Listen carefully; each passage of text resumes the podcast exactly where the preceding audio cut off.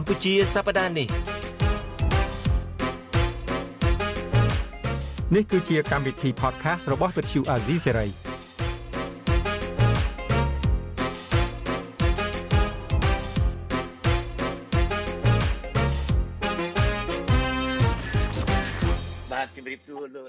ជាទីមេត្រីដោយការសន្យាខ្ញុំបាទបានវិលមកជួបលោកអ្នកនាងកញ្ញាវិញក្នុងកម្មវិធី podcast កម្ពុជាសប្តាហ៍នេះជាលើកទី1បន្ទាប់ពី សម្រាប់ព្យាបាលជំងឺមួយរយៈមុននេះប៉ូលីជំរាបសួរជំរាបសួរបងជុនច័ន្ទបុតជំរាបសួរមិត្តអ្នកស្ដាប់របស់វិទ្យុ LC ស្រីទាំងអស់ហើយស្វាគមន៍បងដែលបានសុខភាពដូរផ្លាស់មានការរីកចម្រើន ហើយ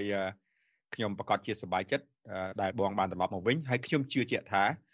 អ្នកស្ដាប់របស់វិទ្យុអេស៊ីសេរីនឹងភាកច្រើនក៏សប្បាយចិត្តដែរប៉ុន្តែមានអម័យអថោម្នាក់ពីរនាក់ប្រហែលជាមិនសប្បាយចិត្តវាមើលទៅធម្មតាទេអឺដូចខ្ញុំធ្លាប់និយាយអញ្ចឹងយើងជាអ្នកកសែតនិយាយការពិតនិយាយអ្វីដែលមានប្រយោជន៍ដល់អ្នកស្ដាប់ទៅក៏គាត់សប្បាយចិត្តទៅនិយាយអំពីការធ្វើទុកបុកម្នេញដល់ពួកគាត់ទៅដើម្បីឲ្យមាន ការគាំពៀការជួយរកយុទ្ធធម៌ឲ្យពួកគាត់គាត់សប្បាយចិត្តទៅអ្នកដែលរំលោភអ្នកបំពេញនោះក៏គេមិនសប្បាយចិត្តនឹងយើងហើយក៏គេរឿងគេចឹងទៅវាជារឿងធម្មតាទេប៉ុន្តែចង់សួរមួយម៉ាត់មិនទៅបាត់ខ្ញុំប្រហែលសប្តាហ៍នេះនឹកអីទិញទួចដែរទេអឺតាមពិតនឹកដែរហើយអឺដៃគូដ៏ល្អដល់ពេលបាត់ដៃគូអញ្ចឹងទៅខ្ញុំធ្វើការជាមួយ ជនពីលពីរនាក់ទៀតនោះគឺយ៉ងច័ន្ទតារាហើយនឹងអូនសេកបណ្ឌិតនឹងធ្វើការបានល្អតាមពិតពួកគាត់មានវ័យក្មេងជាងខ្ញុំមែនក៏ពួកគាត់បានយឹតយងខ្ញុំសម្បើមណាស់ដែរបានជួយលើកអីចឹងទៅជួយកែតម្រែតម្រង់តម្រូវទៅកុំឲ្យយើងចាស់ជ្រុលអត់ដឹងអីវិញវ័នទេក្មេងៗគេជួយកែយើងមកវិញដែរអញ្ចឹងចំណុចនេះក៏គេល្អគេល្អតែទោះបីជាយ៉ាងណាក៏មិនល្អដូចដៃគូយើងធ្លាប់ធ្វើការជាមួយគ្នា រាប់រយសតវត្សមកនោះដែរដឹងហេតុអីដែរបានយើងល្អពីអ្នកយើងដៃគូយើងល្អសួរសុខាមើលសុខាធ្លាប់ស្ដាប់អូអត់ទាន់អត់ទាន់បានជម្រាបជូនលោកអ្នកស្ដាប់ផងថ្ងៃនេះយើងមានភៀវកិត្តិយសម្នាក់គឺអ្នកស្រីសំសុខាលោកនាងស្គាល់ហើយអ្នកស្រីសំសុខាអឺធ្លាប់គេចាប់ដាក់ពន្ធនាគារបន្ទាប់ពីខឹងពេកយកស្បែកជើងទៅគប់រូប មេដឹកនាំគណៈបកប្រជាជនកម្ពុជានឹងមានហេងសំរិនមានជាស៊ីនមានលោកហ៊ុនសែនដូចជាដើមនឹងទីផុតទៅគេចាប់ដាក់ពន្ធនាគារទៅគេលែងមកវិញរត់មកថៃមកទៅដល់ថៃនឹងគេចាប់ម្ដងទៀតទៅឥឡូវហ្នឹងមានសិទ្ធិអឺមកតាំងលំនៅថ្មីជាជនភៀសខ្លួននៅឯតំបន់អាល់បឺតានៃប្រទេសកាណាដាយ៉ាងមិនដែរសុខទុក្ខយ៉ាងណាដែរសុខាបានមកដល់ទឹកដីសេរីភាពដ៏ត្រជាក់ត្រជុំនេះ ចាជាដំបូងនេះខ្ញុំសូមជំរាបសួរបងសំប៉ូលីនិងបងជំចាត់វត្តចាក់ហើយរីកដែលបានឃើញវត្តមានបងប្រុសមានភាពធូរប្រសើរឡើងវិញក៏ដូចជារីកដែលបានជួបបងសំប៉ូលីនិងបានបង្ហាញនៅវត្តមានចំពោះបងប្អូនជនរួមជាតិទាំងអស់ហើយសម្រាប់សុខទុក្ខនៅប្រទេសកាណាដានេះជាដំបូងដំបូងគឺវារៀងពិបាកក្នុងការស៊ាំនឹងអាកាសធាតុតិ ចផងចា៎បាទ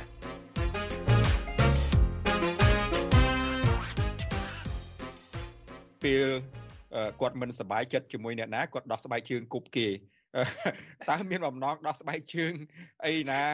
ដបងពាត់អីគប់វាយពួកយើងទេអឺសម្រាប់ក្តីបំណងមួយនេះដូចជាអត់មានទេមានតែការគោរពនិងកោតសរសើរការស្រឡាញ់គឺមានពេញបេះដូងជារៀងរហូតហ្មងចា តែបើសម្រាប់អឺពួកដែលគេព្យាយាមចោទថាអ្នកដែលស្ដីលទ្ធិជាតិតៃជាក្រុមប្រទៀមក្រៅច្បាប់ហ្នឹងគឺអត់ដឹងយ៉ាងម៉េចទេនៅក្នុងផ្នែកកំណត់ខ្ញុំដូចផ្លាស់ប្ដូរនៅចំណុចមួយនឹងអត់បានណាគឺខ្ញុំនៅតែអឺស្រឡាញ់ដែរគឺស្រឡាញ់ក្នុងលក្ខណៈផ្សេងស្រឡាញ់ក្នុងលក្ខណៈតាក់ទាញតាក់ទាញណាអឺដល់មិនបើសិនជាមានឱកាសបានជួបផ្ទាល់ប្រហែលជាតាក់ទាញដោយលោកគូអូទូចឹងចាតាមពិតនឹងអា មនុស្សចេតនានេះក៏ស្តៀងគ្នាដែរទេអាសុខាថាស្រឡាញ់ពួកយើងស្រឡាញ់អ្នកផ្សាយព័ត៌មានពិតអីហ្នឹងតាមពិតយើងនឹងក៏ស្រឡាញ់ភាពក្លាហាន ហើយក៏ប្រហោងពួកអត់ស្ទើរទេ នៅពេលដែលឃើញគេចាប់សុខាដាក់គុកម្ដងម្ដងសឹងតែស្រក់ទឹកភ្នែកមិនបានស្រក់ទឹកភ្នែកទេសុខាក៏ប៉ុន្តែសឹងតែស្រក់ទឹកភ្នែកជាពិសេសនៅពេលដែលលើកទី2នេះទៀតនេះអឺបនព្រះសុខា បនព្រះពីព្រោះខ្ញុំដឹងថាបើសិនជាគេចាប់បញ្ជូនសុខាទៅស្រុកខ្មែរវិញយាយម្នាក់ឬយាយកពើឬមួយយាយឡាំដួយនោះដាំទឹកស៊ុបចាំរួចទៅហើយចាយកជ្រក់យកសុខាយកទៅស្ងោស្ងោស៊ុបតែម្ដងពីព្រោះយើងដឹងហើយថាតើគាត់ខឹងយ៉ាងណាហើយសរសៃឈាមគាត់នោះសុខាក៏ប្រហែលជាដឹងដែរយាយឡាំដួយឬមួយក៏ឈ្មោះពិតនឹង ហ៊ុនស៊ីណាតប្អូនស្រីរបស់លោកនាយករដ្ឋមន្ត្រីហ៊ុនសែននឹងក៏អឺមិនមែនជាមនុស្សអឺអឺទុនខ្លួនស្លូតបូតដោយប្រមាណដែរទេកូនប្រុសទាំង3របស់គាត់ មានតាំងពីនឹមសុភាបើសិនជាអឺសុខាចាំនឹមសុភានឹមពិសីនឹមចន្ទនាអីជាដើមបាញ់គេងាប់កដាលខ្នល់តែអញ្ចឹងហ្នឹងទាំងបីអ្នកបងប្អូននឹងដកកភ្លើងបាញ់គេងាប់កដាលផ្លូវអាលោកកណែលហ្នឹងហើយជាប់ ពន្ធនាគារពីបីយប់ហ្នឹងក៏រួចខ្លួនទៅទៀតដូច្នេះពួកនេះសុទ្ធតែពួកបាត់ឯកលឈាមមិនខ្លាចសោះឡើយក្នុងការប្រព្រឹត្តអំពើសង្សាដូច្នេះនៅពេលដែលឮសូរថាគេចាប់សុខានឹងសឹងតែស្រក់ទឹកភ្នែកជាលើកទី2ហើយលើកបាយបនព្រះថាធ្វើយ៉ាងណាឲ្យកុំឲ្យចូលទៅក្នុងកញ្ញាំដៃពួកបិសាចទាំងអស់នោះធ្វើយ៉ាងណាដើម្បីឲ្យបានមកតាំងលំនៅនៅក្រៅប្រទេសដូច្នេះនៅពេលដែលដឹងថាបានចេញមកព្រាមយើងអរណាស់ យើងអរមែនតើទាំងអស់គ្នាមិនមែនតែខ្ញុំទេមនុស្សចេតនានេះមនុស្សចេតនាពេញមហារីករាយយើងក៏ជាមនុស្សយើងមានមនុស្សចេតនាដែរហើយខ្ញុំជឿថាមនុស្សដទៃទៀតដែលស្រឡាញ់ភាពស្មោះត្រង់ស្រឡាញ់អំពើយុតិធម៌នឹងក៏នាំគ្នាត្រេកអរចំពោះសុខាដែរចាអរគុណច្រើនបងមកដល់ចំណុចនេះបងមូលហេតុដែលយើងចម្បងដែលយើងចង់ហៅសុខាចូលមកទៅជែកគ្នាលេង នៅក្នុងកម្មវិធី podcast របស់យើងនឹងបងចង់សួរចេះសុខាតើនៅពេលដែលយូដែលសុខាសម្រាប់ចិត្តដោះស្បែកជើងគប់ទៅលើផ្ទាំងរូបមនុស្សទាំង3ព្រះអង្គហ្នឹងតើតើកត្តាអ្វីដែលជំរុញឲ្យសុខាធ្វើបែបហ្នឹងចាអឺខ្ញុំចង់ជំរាបទៅកាន់បងថាវាមានកត្តាជាច្រើនដោយសារតែ បើនិយាយពីពូជវិញគឺពូជខ្ញុំពូជអ្នកស្នេហាជាតិណាមិនមែនមានឈ្មោះជាពូជក្បត់ជាតិទេចំណាំមើលអាពូជតកូលសំភាគច្រើនគឺ90%កម្រមានអ្នកក្បត់ជាតិហ្នឹងចាតកូលជើងក៏មានអ្នកក្បត់ជាតិមួយដែរមានតែតកូលសំទេចា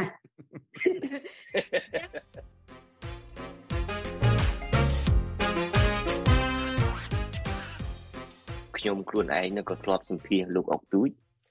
ដែលយកស្បែកជើងគប់លោកហ៊ុនសែនតែម្ដងមិនមែនត្រឹមតែគប់រូបទេសួរថាហេតុអីបានជាគាត់សម្រេចចិត្តថា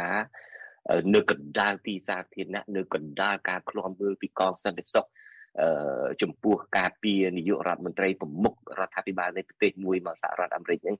គាត់ហ៊ានធ្វើគាត់បានឆ្លើយថាការឈឺចាប់នឹងគឺថាអំពើអយុត្តិធម៌ ចាប់មនុស្សសម្លាប់ចាប់មនុស្សដាក់គុកការបំផ្លាញព្រៃឈើការមិនគិតគូរអំពី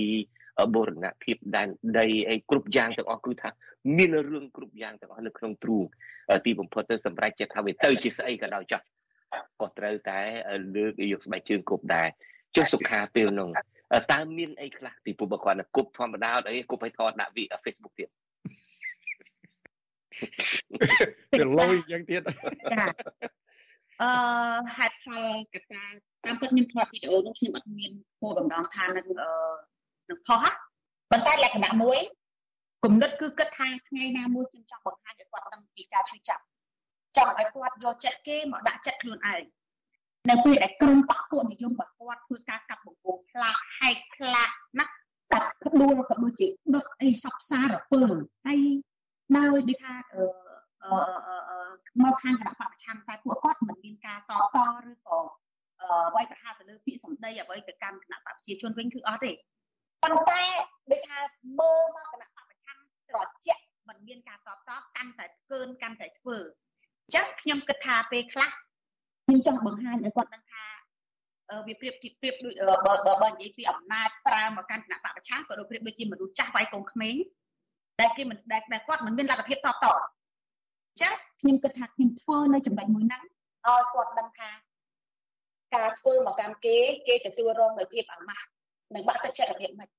ចឹងខ្ញុំធ្វើទៅកាន់គាត់មកមានខ្ញុំជាប្រជាពលរដ្ឋទេមិនបាច់ដល់ថាប្រធានគណៈបកប្រឆាំងឬមួយក៏ខាងសកម្មជនអ្វីថ្នាក់បកថ្នាក់ជាតិអីខ្ញុំជាពលរដ្ឋខ្ញុំធ្វើឲ្យគាត់ដឹងមើលតើគាត់មានភាពអាម៉ាស់ដែរទេតែទីបំផុតខ្ញុំធ្វើបានតែជោគជ័យខ្ញុំក៏សរសើរខ្លួនឯងត្រង់ចំណុចនេះ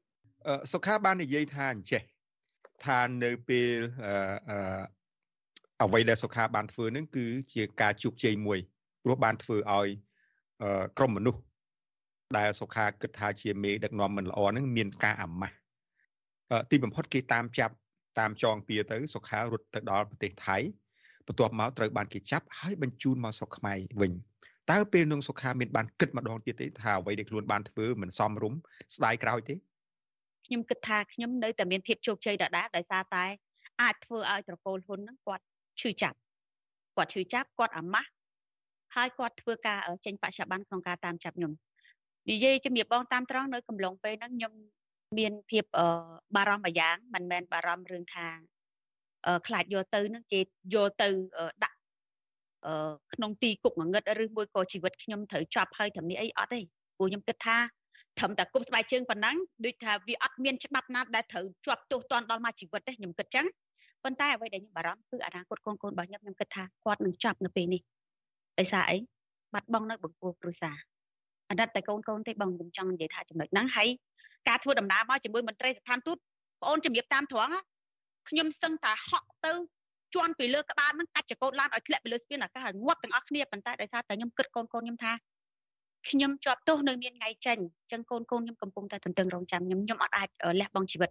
នៅពេលនេះបានទេទាំងដែលពួកវានៅសាច់អសបាយអញ្ចឹង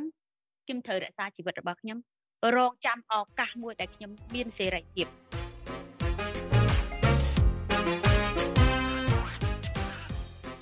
នៅពេលដែលនៅក្នុងពន្ធនាគារតើពន្ធនាគារនៅស្រុកខ្មែរអឺពេលនោះឯងមានគិតផ្សារឡើងវិញទេថា គេនឹងដាក់ទោសតន់នឹងមិនដឹងទៅដល់ឆ្នាំណាមិនដឹងទៅដល់ពេលវេលាណាបើបានចេញមកវិញនឹងនឹងដកខ្លួនថយចេញពី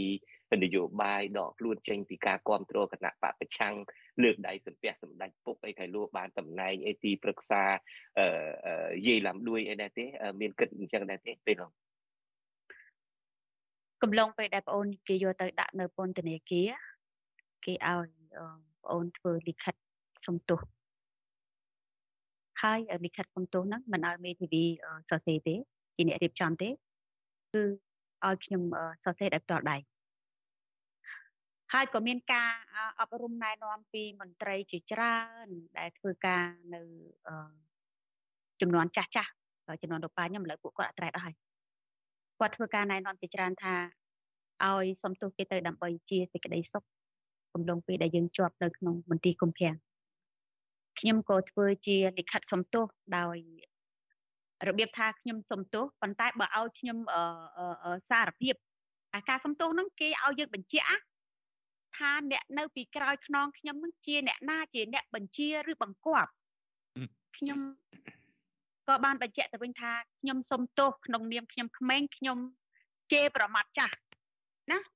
វាជារឿងមួយអសិលធម៌អាហ្នឹងយើងទទួលស្គាល់កំហុសខ្លួនឯងត្រង់ចំណុចហ្នឹង ប៉ុន្តែបើរឿងថាឲ្យខ្ញុំឆ្លើយបៀមឈាមព្រោះតែដាក់ថាអ្នកមានអ្នកណានៅពីក្រោយខ្នងខ្ញុំខ្ញុំអត់មានទេនៅពីក្រោយខ្នងរបស់ខ្ញុំគឺមានខ្នងខ្ញុំគឺអត់មានអ្នកណាទាំងអស់ពីព្រោះខ្ញុំធ្វើចេញពីចិត្តចេញពីឆន្ទៈចេញពីការឈឺចាប់អឺមន្ត្រីសមត្ថកិច្ចគេអឺកំឡុងពេលដែលគេធ្វើកំណត់ហេតុហ្នឹងគឺគេអឺសួរហ្មងសួរថាឲ្យតែឯងប្រងឆ្លើយថាអ្នកណានៅពីក្រោយខ្នងជាអ្នកបញ្ជាអឺគេនឹងមានការដោះលែងយើងភ្លាម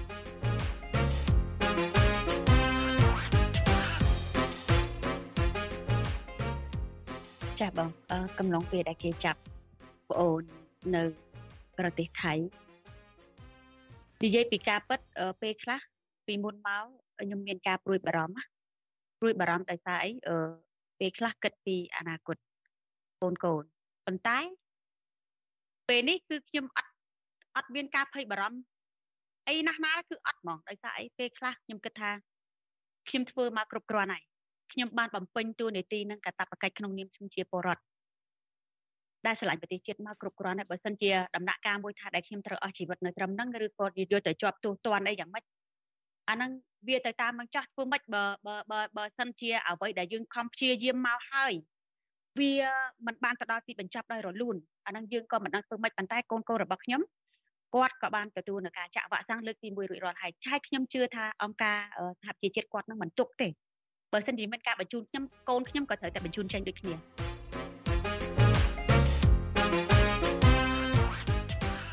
អឺនៅពេលដែលសុខាគេចាប់ដាក់គុកនឹងហើយត្រូវនៅគុកនឹងមួយឆ្នាំពីរឆ្នាំនឹងក្នុងពេលជាមួយគ្នានឹងក៏គេទៀមទាឲ្យសងលុយសងជំងឺចិត្តគេដែរមិនចឹងហើយលុយនឹងខ្លះនឹងមានរហូតទៅ10លាន20លាននៃណានោះអឺ តើសុខាបានលុយនឹងមកពីណាហើយមានខ្ចីលុយធនាគារនឹងដើម្បីសងគេទេហើយឥឡូវនឹងរត់ចោលធនាគារក៏យ៉ាងម៉េចជំរាបបោតាមត្រង់ជាប់រយៈពេល4ឆ្នាំបងអូនទៅបងសំណងទៅកាន់រដ្ឋគេ10លានរៀល10លានរៀលហើយសម្រាប់ប្រជាពលរដ្ឋទូទៅផ្សេងផ្សេងដែលគេជាប់គុកគឺគេឡើងតឡាការតែម្ដងហើយតែបងអូនឡើងតឡាការ4ដងណាជួបជំទាវពរិញ្ញានិងអឺ ពរិញ្ញាអាណារងអឺអីគេអឺអីបាត់មុខៈហ្នឹង4ដងខ្ញុំប្រាប់បង4ដងកំឡុងពេល4ដងហ្នឹងណាខ្ញុំតាំងជាសំណួរគាត់តែមួយសំណួរឯងគាត់ផ្ទះតុកគម្រាមរហូតដល់ខ្ញុំភ្ញាក់ឡើងនិយាយរួមថាភ្ញាក់ព្រឺតហ្មងផ្ទះគម្រាមយើងតែម្ដងថាខ្ញុំអត់មានសិទ្ធិក្នុងការតាំងសំណួរគាត់ទេដោយសារអីខ្ញុំពាក់ឯកសន្តានជាអ្នកទោសដោយសារអីពេលខ្លះខ្ញុំឆ្ងល់បានសួរទោះបីជាអ្នកទោសក៏ដោយ ខ្ញុំគិតបែបហ្នឹងដោយសារអីខ្ញុំក៏មានសិទ្ធិសួរអ្នកទោសផ្សេងផ្សេងទោសគ្រឿងញៀនទោសលួចទោសប្លន់ពេលដែលចេញមកអត់មានលុយបង់សំណងគេធ្វើលិខិតចុះកិច្ចសន្យាពេលចេញទៅក្រៅរកការងារធ្វើសងគេមួយខែ50ទៅ100តែទៅទៅបាត់ហើយអត់មានអ្នកណាសងទេតែសម្រាប់ខ្ញុំនេះ10លានមួយថ្ងៃបញ្ចង់ទុកពេលឲ្យបងទឹកមើលមើលថាវារើសអើងរបៀបបែបម៉េចវាដាក់គំនាបយើងរបៀបបែបម៉េចខ្ញុំថា ខ្ញុំជាប់គុកដូចជាអត់មានហូបបាយរត់ទេមួយគ្រាប់ក៏ខ្ញុំអត់បានហូបបាយគុកដែររយៈពេល4ឆ្នាំបងសំណងទៅលើអីសំណងជូនរដ្ឋខ្ញុំចង់សួរបែបហ្នឹងអញ្ចឹងគាត់ថាគាត់ផ្ទះຕົកមកគម្រាមហ្មងគាត់ថាអ្នកស្រីអត់មានសិទ្ធិតាំងជាសំណួរមកកាន់ខ្ញុំទេណាអ្នកស្រីមានសិទ្ធិឆ្លើយថាសងឬមិនសងបើមិនសងគេរុញចូលគុក6ខែផុត6ខែអ្នកស្រីនៅតែសងលុយហ្នឹងធ្វើលិខិតសងលុយដដែលអ្នកស្រីគិតមើលហើយកុំប្រាប់ ទៅផ្ដល់ព័ត៌មានដល់អាស៊ីសេរីឬ VOA VOD អីឲ្យសោះថាខ្ញុំគម្រាមលោកស្រីណាវត្តមុខគេអះឆ្ងាញ់ណាស់បងខ្ញុំប្រាប់ឆ្ងាញ់ណាស់នឹងប្រព័ន្ធតឡាការនៅខេត្តកំពង់ស្ពឺហឹមឥឡូវសងគេអត់សងបានលុយមកពីណាសងខ្លាចជាប់គុកជាប់ពិបាករស់ខ្ញុំសុំពេលវេលាគេរយៈពេល1ថ្ងៃអឺស្អែកឡើងម៉ោង2ខ្ញុំធ្វើការណាត់ជួបគេដោយសារតែ ខ្ញុំថាខ្ញុំជាប់គុកខ្ញុំអត់មានរស់ស៊ីអីបានលុយទេបើអត់ទុកពេលវេលាឲ្យខ្ញុំដើររកខ្ចីលុយគេក៏ខ្ញុំបាត់ដឹងថាធ្វើម៉េចទេត្រូវវិញចូលគុកក៏វិញទៅប៉ុន្តែគាត់ដឹងច្បាស់បើរុញខ្ញុំចូលគុកវិញក៏វាល្អមើលដោយសារតែពេលខ្លះគាត់គាត់គៀបខ្ញុំខ្លាំងពេកវាវាមិនមែនជារឿងដែលល្អសម្រាប់អន្តរាការគាត់គាត់គិតបែបហ្នឹងអញ្ចឹងគាត់ផ្ដល់ឱកាសខ្ញុំមួយថ្ងៃហើយគាត់គម្រាមខ្ញុំថាបើសិនជាអ្នកស្រីចង់រត់ក៏វាពិបាកដែរខ្ញុំថាខ្ញុំពូជខ្ញុំអត់ថោកទៀតទេកំភៃខ្ញុំដាក់គាត់ចឹង ទៅដល់ខ្ញុំសុំធ្វើការខ្ចីលុយពីម្ដាយមីងរបស់ខ្ញុំគាត់គាត់លុះដែរគាត់សុខចិត្តបោះខ្សែដៃគាត់យកទៅឲ្យលក់មកតឡឹងយកទៅលក់បាន2500ដូរភ្លាមយកសងគេ10លានចាអឺសំណួរចុងក្រោយសុខាអឺវិរៈបរោះស្បែកជើងហោះចាទូទូស្បែកជើងរបស់គាត់នឹងគាត់បានអះអាងថាមានអ្នកណាម្នាក់នោះឲ្យគាត់1លានដុល្លារគាត់អត់លក់ទេ បងចង់សួរសុខាតា ស្បែកជើងដែលគប់នោះទុកទេនៅទេ មានអ្នកណាចង់ទិញឬក៏អត់ឬក៏បូជាយ៉ាញ់បាត់អស់ហើយស្បែកជើងរបស់ខ្ញុំអឺខ្ញុំបានបោះចូលនៅក្នុងធុងសម្រាមហើយបងដោយសារតែពេលខ្លះវាអត់ស័ក្តិសមនឹងខ្ញុំពាក់វិញដោយសារអីបែកជើងទោះបីជាតម្លៃ15ដុល្លារឬ20ដុល្លារវាជាតម្លៃដែលថ្លៃសម្រាប់ខ្ញុំអ្នកក្រប៉ុន្តែបើគុកក្បាលមនុស្សថោកទាបខ្ញុំគិតថាអស់តម្លៃនឹងឲ្យខ្ញុំយកមកពាក់ បងបងជុនច័ន្ទបុនខ្ញុំដូចជាអេវ៉ាំងដល់មានសំណួរអេស៊ូដូចនឹងទៀតទេអរគុណច្រើនហើយសំណួរចុងក្រោយរបស់ខ្ញុំទេសុខាជាសំណួរចាប់ផ្ដើមផ្សាយមកពូលីថាគាត់នឹកខ្ញុំដែរនៅពេលដែលខ្ញុំទៅសម្រាប់ព្យាបាលជំងឺនឹងធ្វើត្បិតតែធ្វើ podcast នឹងជាមួយនឹងយ៉ងច័ន្ទតារាជាមួយនឹងសេចបណ្ឌិតគេប្រកែប្រកែយ៉ាងណាក៏ដោយចុះក៏ប៉ុន្តែគាត់គិតថាស៊ីសង្វាក់គ្នាជាងនឹងគឺពីអ្នកជនច័ន្ទបុតនឹងខ្ញុំសួរគាត់ថាមានដឹងហេតុអីទេ ហេតុអីបានពីអ្នកនឹងស៊ីសង្វាក់ជាងគាត់មិនឆ្លើយទេគាត់សួរមកសុខាឥឡូវសុខាអាចឆ្លើយបានទេហេតុអីបានពីអ្នកនឹងដូចស៊ីសង្វាក់ជាងគាត់កាន់កម្មវិធីនឹងជាមួយយ៉ងច័ន្ទតារាឬបេសិកបណ្ឌិតខ្ញុំគិតថាពេលខ្លះបងគឺជាដៃគូដែលរួមសហការងារជាមួយគាត់មកគឺច្រើនច្រើនរយៈពេលយូរអញ្ចឹងភ្លាមភ្លាមបាត់វត្តមានបងគឺគាត់ដូចជា មិនធ្លាប់បែកទេទីមួយគឺគាត់អត់ធ្លាប់បែកបងទេធ្លាប់តែនៅជាមួយគ្នារហូតបើកាលណាបែកឲ្យគាត់ទៅបដូរដៃគូថ្មីទាំងគេទាំងខ្ញុំយើងយើងវាក់វើមតិចអីចាហើយខ្ញុំមិននិយាយកាន់ជើងខាងណាចោលខាងណាអាពាក្យថានឹកដែរវាស្មើអត់នឹកណាបើនឹកហ្មងគឺនឹកហ្មងចាបាទអត់អីខ្ញុំយល់ចិត្តគាត់តែគាត់ប្រើពាក្យណាក៏ដោយចុះគឺប្រកាសជានឹកហើយ សុខានិយាយត្រូវមកចំណុចដែរការពិតនឹងយើងធ្វើការជាមួយគ្នាតាំងពី97មកប៉ូលីសណោះបាទបាទតាំងពីឆ្នាំ97មកការបានរីស្រីដំបូងយើងពិភាក្សាគ្នាទៅជាប់ទៅទុកនៅលើរលកធាតុអាកាសឬមួយក៏លក្ខណៈឯកជនក៏ដោយយើងពិភាក្សាគ្នាតែរហូតក៏ប៉ុន្តែអ្វីដែលខ្ញុំគិតថាយើងស៊ីសង្វាក់គ្នាមែនតើនឹងរវាងខ្ញុំនិងពូលីនឹងព្រោះយើងចាស់ចាស់អាយុ60ផ្លាយដូចគ្នា ទៅហើយយើងយល់ចិត្តគ្នាដែលថាយើងយើងចាស់ដូចគ្នាគាត់ក៏ចាស់ខ្ញុំក៏ចាស់អូខេដោយសារគាត់ទៅងើពីឈឺខ្ញុំអត់ដែលគ្រូឲ្យគាត់និយាយអញ្ចឹងចាស់បាទដូច្នេះយើងចប់កម្មវិធីយើងត្រឹមប៉ុណ្្នឹងចុះសុខាអឺសង្ឃឹមថាថ្ងៃណាមួយខ្ញុំអាចទៅជួបសុខាដល់ប្រទេសកាណាដាឬមួយនៅពេលដែលសុខាមាន សិទ្ធិអាចឆ្លងចូលមកលេងសហរដ្ឋអាមេរិកបានខ្ញុំនឹងរៀបចំពិធីទទួលសុខាយ៉ាងសមរម្យមួយនៅឯសហរដ្ឋអាមេរិកនេះសង្ឃឹមថាយើងនឹងមានថ្ងៃនឹងដូច្នេះសូមឲ្យការតាំងលំនៅជាថ្មីទាំងកូនពីរអ្នកនឹងសូមឲ្យមានជ័យជំនះមានជោគជ័យហើយសង្ឃឹមថាកូនចៅរបស់សុខានឹងនឹងអាចមានរស់នៅក្នុងពិភពមួយដែលប្រសើរជាង ពិភពដែលសុខាបានរស់នៅបាទសូមអរគុណហើយសូមជម្រាបលាសុខាទៅប៉ុណ្ណេះបាទចាជម្រាបលាចាបាទសុខាជម្រាបលាបងជុនច័ន្ទបុតយើងជួបគ្នាសប្តាហ៍ក្រោយទៀតហើយអរគុណមិត្តអ្នកស្ដាប់របស់វិទ្យុអេស៊ីសរ៉ៃទាំងអស់ដែលតែងតែគ្រប់គ្រងទោះបីយើងនិយាយខុសក្តីត្រូវក្តីលោកតែងតែលើកទឹកចិត្តយើងឲ្យបន្តបញ្ចេញមតិដែលសមរម្យដែលសមស្របដែលពួកគាត់មិនអាចនិយាយបាន អរគុណហើយសូមជម្រាបលាបាទបាទសូមជម្រាបលាជម្រាបលា